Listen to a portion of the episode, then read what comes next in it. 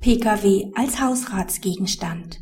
Ein nach der Trennung erworbener Pkw eines Ehegatten ist kein Hausrat, vielmehr ist er mit seinem Wert und mit den damit eventuell zusammenhängenden Verbindlichkeiten in den Zugewinnausgleich einzustellen.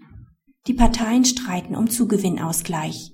Die Ehefrau will Verbindlichkeiten aus einem am 8.9.2004 abgeschlossenen Darlehensvertrag zur Finanzierung eines im September 2004 zu Alleineigentum erworbenen Pkw geltend machen.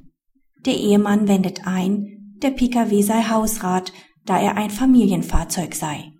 Die Parteien trennen sich nach eigenen Angaben vorläufig im Januar bzw. Juni 2004, endgültig am 29.10.2004. Die Ehefrau begehrt Prozesskostenhilfe für die Durchführung des Verfahrens. Das Amtsgericht gewährt der Ehefrau wie beantragt Prozesskostenhilfe. Das Oberlandesgericht weist die Beschwerde des Ehemanns zurück. Der Pkw ist nach der Trennung erworben. Die Ehefrau ist alleinige Halterin und tilgt allein die Verbindlichkeit.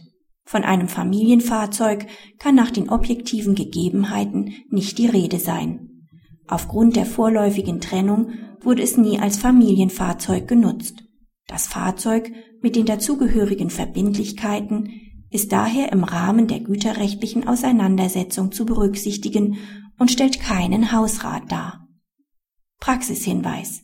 Ein Kraftfahrzeug, das während des ehelichen Zusammenlebens von beiden Ehegatten benutzt wird, ist regelmäßig Hausrat.